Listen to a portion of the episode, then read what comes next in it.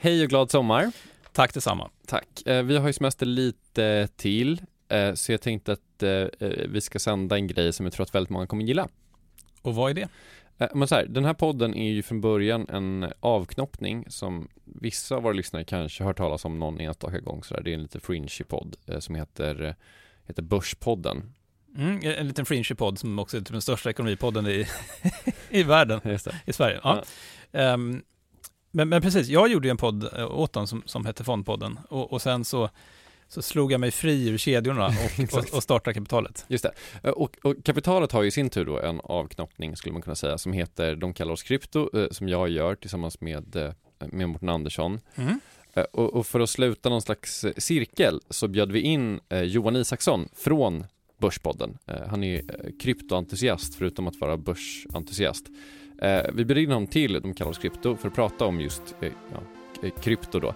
Och det blev en så pass fin intervju att vi tänkte att det vore kul att sända den för, för alla, för jag tror att det finns liksom det finns intresse även i kapitallyssnarsfären så att säga. Det, det, tror jag absolut och eh, det här är ju också en, en väldigt, väldigt eh, intressant intervju tycker jag om hur, om hur då Johan Isaksson eh, typ ser på framtiden i stort. Ja, precis. Och också hur en kille som tidigare enbart intresserade för börsen kunde bli väldigt intresserad av något så på den tiden ganska eh, obskyrt som kryptovalutor. Just det. Så här kommer den. Han är analytikern som blev daytrader, som blev poddare. Och eh, sedan eh, snart åtta år tillbaka driver han tillsammans med John Skogman Börspodden, Sveriges största ekonomipodd och en av de populäraste i landet faktiskt. Men idag ska han inte prata börs utan krypto. Jag säger varmt välkommen hit till Johan Isaksson.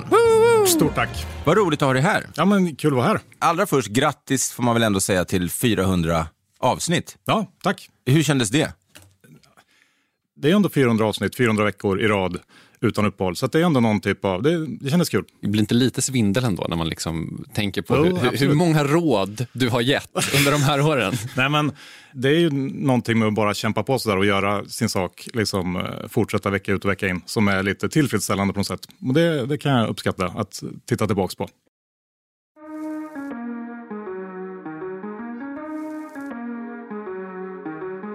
För mig så börjar ju det här intresset. Egentligen får man nog backa till finanskrisen eh, 2008. Jag jobbade som analytiker då och liksom genomlevde det. Eh, såg liksom centralbankernas svar, hur de tryckte massa nya pengar, ehm, um, bailade ut de här stora bankerna som hade gjort fel. Uh, det skapar på något sätt någon slags uh, misstroende mot systemet och, och uh, centralbankerna helt enkelt. Och att, att någonting inte riktigt står rätt till med det här systemet som vi har. Och det är ju egentligen en förlängning av vad som hände under 2000 och om man kan gå tillbaka ytterligare ett antal år eh, så har det varit medicinen egentligen alla kriser som vi haft på slutet, att trycka mer pengar. Och någonstans börjar man känna att är det verkligen så här enkelt, ska det funka så här? Det var liksom grundstarten för mig. När, när eh, sen när man hörde om bitcoin första gången, det kanske var 2013, 14 någonstans där när, de hade, när bitcoin hade sin första riktigt stora eh, uppgångsvåg och gick från några dollar till, jag tror det toppade på 1000 dollar då kanske. Eh, då eh, avfärdade jag bitcoin ganska direkt, någon slags ryggmärgsreaktion. Tyckte att det här är bara någon slags låtsasgrej som, som barn håller på med. typ. Mm. Men sen vet jag inte vad det var som gjorde, jag kanske ramlade på någon artikel eller såg någon, någon intervju med någon som gjorde att jag ändå började mm, liksom läsa på mer och, och, försöka förstå istället för att bara avfärda allting direkt. Eh, och det här var väl något år senare. Jag eh, gick faktiskt tillbaks igår inför den här intervjun för att kolla exakt när jag köpte mina första bitcoins. Och det var 7 juli 2015 och då Oj. stod bitcoin i eh, runt 270 dollar. Eh, och det var liksom starten. Och eh, jag var väl också ganska liksom direkt fascinerad av tekniken bakom. Ehm, det här med blockkedjetekniken, det var ju liksom ofta, mycket så eh, för några år sedan att man pratade om att jag gillar inte bitcoin men jag gillar blockchain. Och som eh, liksom, aktiehandlare och, har kommit från den sidan så såg jag i alla fall potentialen och, och i det här med att kunna plocka bort en mellanhand. Eh, I aktiehandel så har man ju någonting som heter clearing, att man, man liksom köper en aktie och sen så clearas den och så får man den eh, egentligen några dagar senare. Så det är ett ganska stort ja, mellanrum där mellan själva transaktionen och att man får aktien. Eh, och det här skulle potentiellt sett då eh, blockkedjetekniken kunna ta bort. Så att man gör både, både köpet och transaktionen av aktien i, i samma ja, rörelse helt enkelt. Eh, och det finns ju fler sådana såna use case där man kan tänka sig att man plockar bort mellanhänder med hjälp av, av eh, blockkedjeteknik. Så det tyckte jag också såg väldigt eh, spännande ut. Helt mm. Var det det du sålde in sen på John? Ja, men jag tror att hela det här narrativet har ju blivit starkare i och med eh, pandemin och det enorma liksom, eh, gensvaret som centralbankerna kom med. Eh, för det har ju tryckts liksom, ännu mer pengar än, än vad man skulle kunna tro var möjligt sen pandemins eh, utbrott egentligen. Och det var väl verkligen liksom någon slags, ja, den aktionen av centralbankerna är nog det, det bästa som hänt för hela krypto sektorn skulle jag säga. Mm. Och det tror jag många, eh, många hakar på krypto just efter, efter det här som har hänt sista året faktiskt. Tänker du att det är så det funkar, att liksom folk på riktigt tänker väldigt mycket på, på vad centralbankerna håller på med och att de trycker mycket pengar? Eller är det inte ganska mycket så att de flesta som hakar på krypto är, ser väldigt stora prisuppgångar? Så, så är det nog. Men jag, jag, tänker också att det där går hand i hand. Det är ju ofta så när det kommer någonting nytt, spännande, som har enorm potential, att, att det skapas spekulation eh, som driver det liksom framåt. Eh, och den här spekulationen för med sig massor av kapital, massor av, av eh, folk som vill in och jobba med det. Man kan ju bara titta på hur mycket liksom, eh, smarta människor som, som börjar jobba med, med krypto. Eh, det är ju liksom en, en, jag skulle gissa den sektorn som, som attraherar absolut mest uh, unga smarta ingenjörer och, och, liknande i hela världen. Bara titta på, på liksom, eh, techsektorn i USA och det, det, är liksom, det är väldigt många som, som rör sig åt det här hållet och även bland lite mer etablerade techfolk så ser man ju många uh, som Jack Dorsey, Twittergrundaren och, och, och liksom, det finns massor av exempel på folk som, som håller på inom den här, den här sektorn. Och eh, på något sätt så kommer det att skapa, tror jag, massor av kapital, massor av smarta människor. Det, det kommer ju leda till utveckling. Så även om det det inte ser så här jätteimponerande ut just nu eh, vad man egentligen kan de facto göra eh, så tycker jag att det är ganska stor skillnad nu jämfört med förra, eh, förra uppgångsvågen som slutade där 2017, 18 eller vad det var. Att det börjar dyka upp riktiga use case och, och ja, jag, jag, tror att det är ungefär som att titta på internet. Det är en sån här trött liksom liknelse, internet 95 eller någonting. Ja. Men, men den har någon typ av relevans ändå för att det, det, stod man och tittade på internet då så var det jättesvårt att se Eh, att internet skulle bli vad det är idag på något sätt. Och jag har också känt sådär sista tio åren eller någonting att, att det är någonting fel med, med hur, hur liksom internet blev till slut. Att det här med att internet nu består av en handfull monopolbolag som liksom styr allting. Uh, med Facebook som har liksom identiteten och, och, Google som har sök och, och Amazon som har all e-handel, typ. Ja. Uh, att det var inte så, i alla fall jag tänkte mig att internet skulle bli. Att, att man ville ju att internet skulle bli någonting så fritt och, och, och liksom också decentraliserat och öka kanske konkurrens och, och, och så blev det någonting helt annat. Mm. Och här känner jag också på något sätt att, att kryptovärlden och blockchain är någon slags eh, lösning. Eh, som, som jag, jag, var och pratade på, jag tror Breakit hade någon sån här eh, nyårsgrej, någon panel, så var jag med här i, i slutet på förra året tror jag. Och då eh, tog man upp det här med, man, man kan brukar titta på de här tio största bolagen i världen för 10 år sedan, för 20 år sedan, för 30 år sedan. Eh, och då kan man gå tillbaka, för tio år sedan så var det ganska mycket oljebolag. Eh, för 20, ytterligare tio år så kanske det var mycket liksom, banker som var de största. Nu är det ju eh, ja, de här techbolagen. Det där brukar, även fast det ser ut som att det aldrig kommer att kunna, man kommer aldrig kunna flytta på Google eller Facebook, så har det någon slags konstigt sätt liksom världen funkar så, att, att ändå disrupta de här största. Och jag, jag är lite inne på att den här distributionen kommer att komma från, från liksom blockkedjehåll eh, nästa gång. Eh, så att de här, det, också, det har att göra med det här mellanhandstänket, att man kan ta bort mellanhänder. För många av de här, de här största bolagen nu är ju egentligen Eh, mellanhänder som liksom sätter sig mellan konsument och, och, företag och tjänar väldigt mycket på det. Jag tycker eh, det här absolut sista är väl, det är väl den stora, stora utzoomningen. Eh, om vi pratar absolut. om att... ja, det är ingenting som, som händer nästa eh, höst. Liksom. Nej, exakt. Men det är väl desto viktigare att tänka på att den utzoomningen finns. Liksom, och att, eh... och det är det jag vill, vill liksom, det är därför jag lite grann är med och vill vara med i det här spacet. Och mm. liksom, för jag, jag tror också att det låter ju jäkligt klyschigt, men att det blir liksom en bättre värld av det. Förhoppningsvis.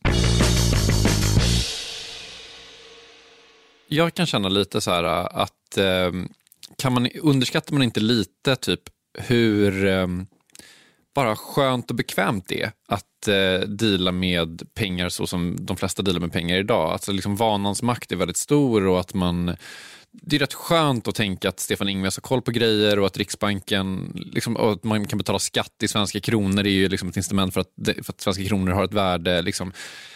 Och att det bara är lite krångligt med krypto helt enkelt. Men jag, jag tror att många, alltså hade man inte, som jag ser i alla fall, liksom missbrukat sin makt eller vad man ska kalla det, eh, så gravt, alltså genom att trycka så enormt mycket pengar, eh, så tror jag att då, då hade liksom inte krypto, i alla fall inte kryptovalutor eller vad man ska kalla det, dykt upp på samma sätt. Men, men det är ju som någon slags svar på vad som har hänt de sista eh, 10-20 åren. Och jag tror att det blir mer och mer uppenbart för allt fler att det här är någonting som är konstigt. Och det är bara att kolla på alltså, allt som har någon typ av värde, någonting som man, allt som man vill eh, köpa går upp i pris. Även om man, man säger att det finns ingen inflation. Eh, nu får vi se om det kommer igång. Det kom en, en liksom stark inflationssiffra i USA här i, igår. Men, men, det är bara att titta på så här, villorna i Bromma, de går upp med en miljon i veckan. Och jag, då överdriver jag nästan inte ens. Nej. För att det, det, är så, det är någonting som är eh, väldigt, väldigt fel. Och det tror jag allt fler börjar upptäcka. Eh, och, och liksom pandemin var ju någon slags... Man brukar säga att pandemin snabbspolar digitaliseringen. Jag tror man kan säga att de snabb, den snabbspolar även Eh, utvecklingen inom krypto och liksom adaptionen av krypto. Men om man kollar historiskt vad som brukar hända när man får, når hyperinflation så är det ju typ eh, revolution och återstart av samhället från noll liksom, snarare än att det skulle vara liksom någon slags teknisk övertagande. Det jag är inne på är liksom att när man når hyperinflation, som, som ju en miljon i veckan i Bromma är, det som händer är att arbetarna åker ut i Bromma och bränner ner de villorna snarare än att de börjar köpa kryptovalutor. Ja, det kan man, det kan man ju säga. är det här ett hot? Och, och, och men alltså, lite. Om man vill se det från den sidan så, så går det att argumentera för att vi har redan sett liksom, strömningar åt det hållet. Att det är ju, samhället är ju mer eh, uppdelat än någonsin egentligen. Klyftorna är större än någonsin. Eh, de rika blir rikare, de fattiga fattigare. Eh, och det är också centralbankernas fel. Ty tyvärr, men det är ju så. Mm, nej. Har man haft tillgångar så, så har det varit helt fantastiska år. För att man har blivit så fruktansvärt rik på att äga bara. Ja, det finns har två valutor haft, i Sverige. Ja, har man inte haft tillgångar då, då, då blir man, har man blivit ännu fattigare på något sätt. Yep.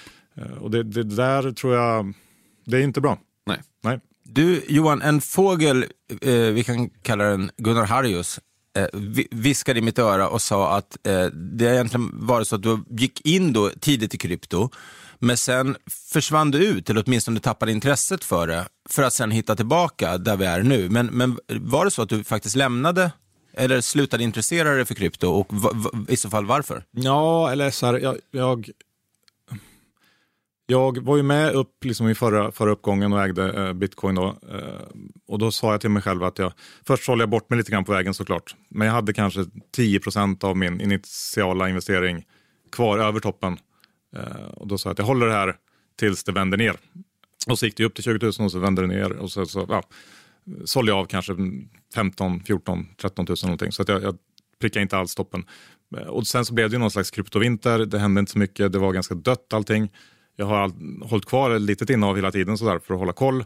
Tog lite av, av bitcoinvinsterna och gick in i ett onoterat svenskt bolag som håller på med, med krypto, Chromaway. Eh, och investerade i det bolaget för att liksom försöka Eh, ja, få exponering på andra sätt. För jag trodde fortfarande på den här sektorn. Sen så kände jag bara att i och med egentligen, som jag var inne på förut, pandemin eh, och, och, och centralbankssvaret till den så, så kände jag att, att um, ja, men det blev lite startskottet för en, en uh, ny uppgångsvåg på något sätt. Och, och, då ökar ju intresset ganska naturligt i samband med det. Ditt intresse har följt eh, grafen? Exakt. Ja. Men jag, jag, har alltid, eh, jag, jag har liksom ändå alltid varit, uh, varit inne i sektorn egentligen, sen, sen jag hittade den där 2015. Och hur stor del av din portfölj idag är krypto?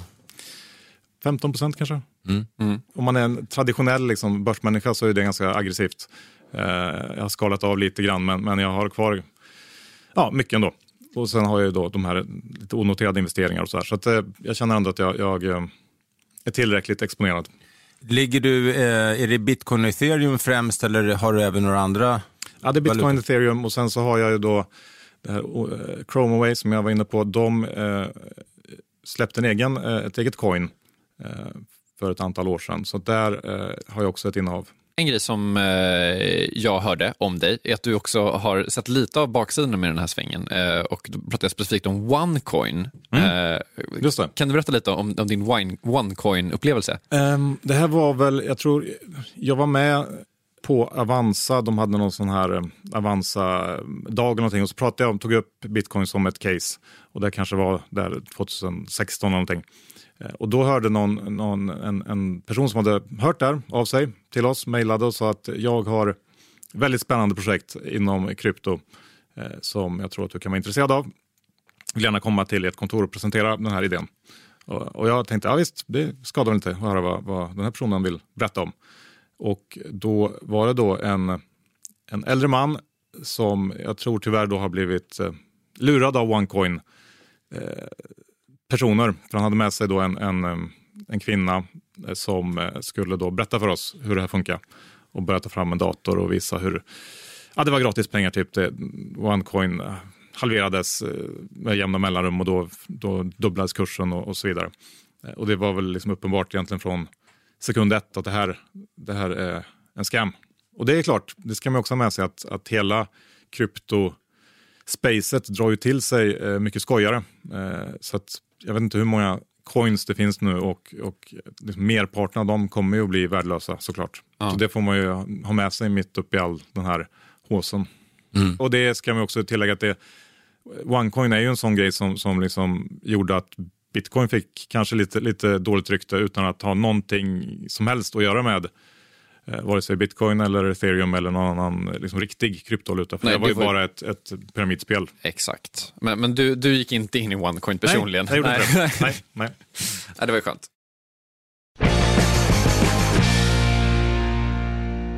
Jaha, vidare med då dagens gäst som är Johan Isaksson eh, som gick från analytiker och eh, blev daytrader och är väl det fortfarande och poddare i fantastiska Börspodden som vi hoppas att ni lyssnar på.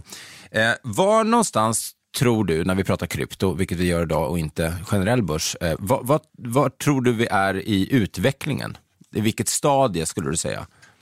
Ja, om, om, man tar det på riktigt lång sikt så tror jag vi verkligen bara är i början. Alltså då tror jag det finns väldigt, väldigt mycket kvar.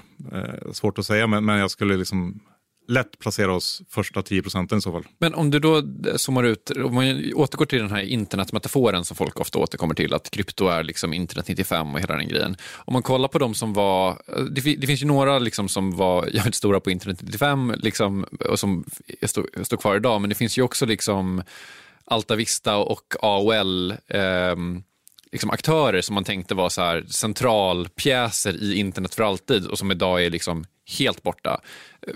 Hur, du som analytiker och liksom bedömare av den här världen, hur, hur kan man, finns det någon möjlighet att liksom sålla ut vilka case som kommer stå kvar? Vad, vad är det du kollar på då? Så det är oerhört svårt såklart.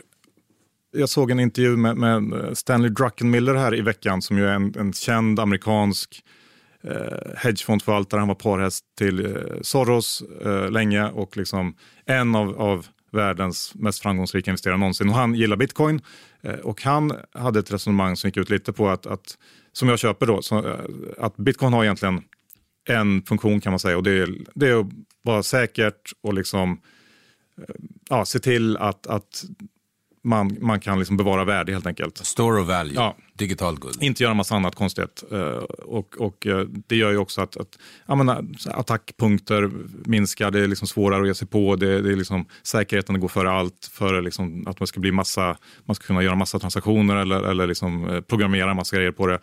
Vilket på något sätt gör att, att det är mer troligt att, att bitcoin står kvar om tio år Eh, Eh, för att det är liksom nätverkseffekter och sånt som, som stärker bitcoin hela tiden.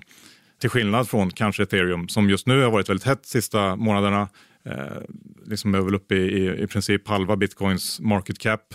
Eh, och många liksom tar ett bett på, på ethereum nu för att det är ju här allt annat kommer hända. Liksom. Det, är, det är på ethereum man kan bygga allting. Eh, man ser lite som att ja, men, eh, på bitcoinkedjan, där det är liksom guld use case typ och, och ja, det är inte lika spännande ses det som. Så det, där tror jag att, att man, det börjar gå kanske lite långt. Jag, jag, jag är mer osäker på ethereum längre fram. Det, där känns det mycket viktigare med liksom teknikutveckling, med att komma någon, någon typ av, av blockkedja som funkar på ett helt nytt sätt, som, som är mycket mer effektiv, som är mycket snabbare och så vidare.